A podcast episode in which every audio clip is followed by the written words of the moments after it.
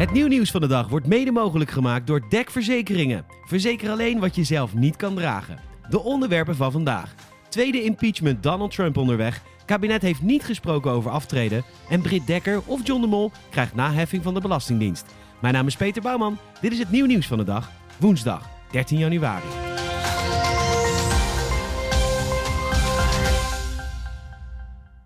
Het lijkt er dan echt van te komen. De dag die niemand zag aankomen voor de tweede keer. Het Huis van Afgevaardigden is begonnen met het debat over de tweede impeachment van president Donald Trump. Om te bepalen of hij mag blijven zitten vanwege zijn betrokkenheid bij de bestorming van het Capitool een week geleden. De kaarten zijn wel wat anders geschud overigens, want er zijn ook een aantal republikeinen in het huis die voor het afzetten van de president zijn. De beelden zijn overigens bizar om te zien, want vanwege de angst voor nieuwe Trump. Trump Trumpetisten zijn duizenden militairen van de National Guard aanwezig. Op de vloer liggen ze met tientallen te slapen. Klaarblijkelijk is het een saai debat. Na de impeachment, die zou komen, moet de Senaat erover stemmen en met een tweederde meerderheid de president veroordelen. Die kans lijkt vooralsnog niet heel groot, al lijkt het erop dat senaatsleider en voormalig BFF van Trump McConnell neigt naar een veroordeling. Ondertussen kijkt Donald Trump met een kussentje in de vorm van een hartje naar buiten met op de achtergrond.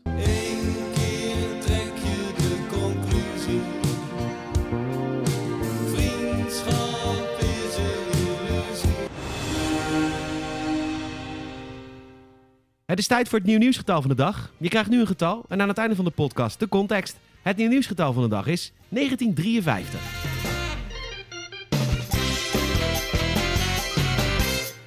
We berichten er eerder deze week al over. Het stevige nieuws dat Britt Dekker een paard heeft gekregen van Talpa. In ruil voor drie uitzendingen van.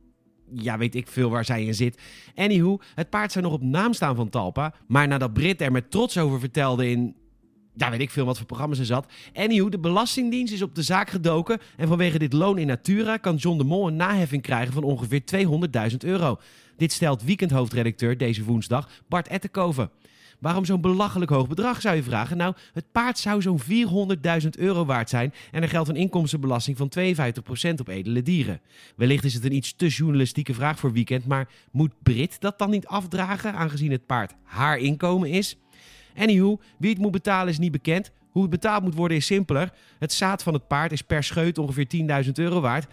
Dus dat wordt kolven Brit.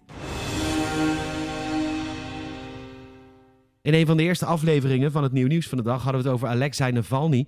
De Russische oppositieleider was vergiftigd door de regering van het moederland. Maar nu vindt hij zich genoeg hersteld om terug te keren.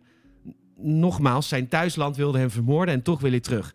Met syndroom van Stockholm naar Moskou dus, maar het is vooral heel erg moedig natuurlijk. Poetin zegt nu tegen zijn medewerkers dat ze alles moeten doen om te zorgen dat ik niet terugkom. De onderdanen handelen zoals gewoonlijk, ze verzinnen nieuwe strafzaken tegen me, verklaart Navalny in een Instagram bericht. Maar wat ze doen is voor mij niet zo interessant. Rusland is mijn land, Moskou is mijn stad. Ik mis ze. Ah.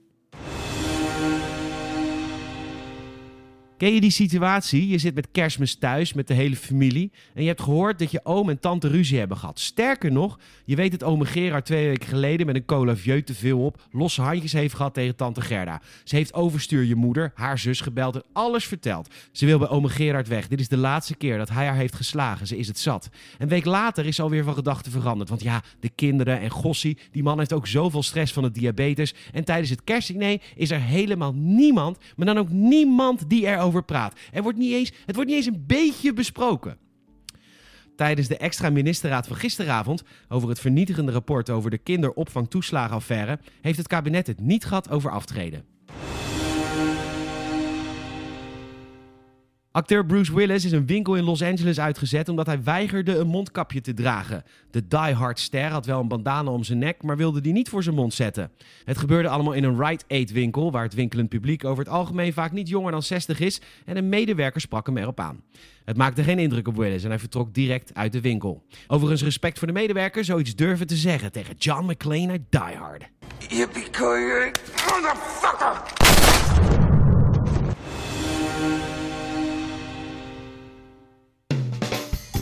Het nieuw nieuwsgetal van de dag is 1953. In de Verenigde Staten is voor het eerst sinds 1953 een vrouw geëxecuteerd door de federale overheid. De 52-jarige Lisa Montgomery kreeg een dodelijke injectie toegediend vlak nadat het Hoge Rechtshof de executie had goedgekeurd. Montgomery werd in 2008 veroordeeld tot de doodstraf nadat ze in 2004 een hoogzwangere vrouw had vermoord. Na de moord sneed ze de ongeboren baby uit de buik van de vrouw en nam het mee. De baby overleefde de aanval, waarna Montgomery het probeerde op te voeden als haar eigen kind.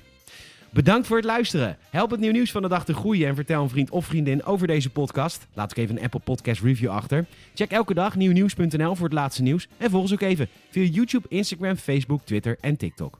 Tot morgen!